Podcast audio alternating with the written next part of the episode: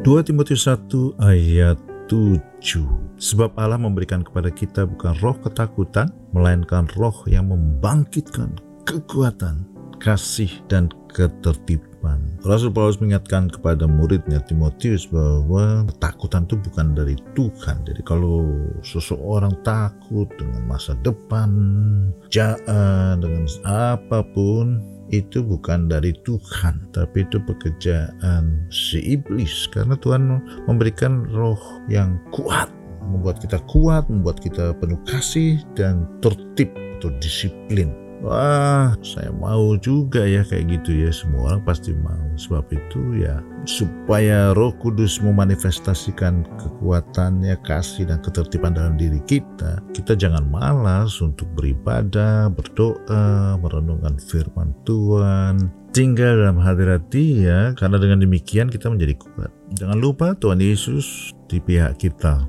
dan rohnya diam di dalam diri kita. Amin.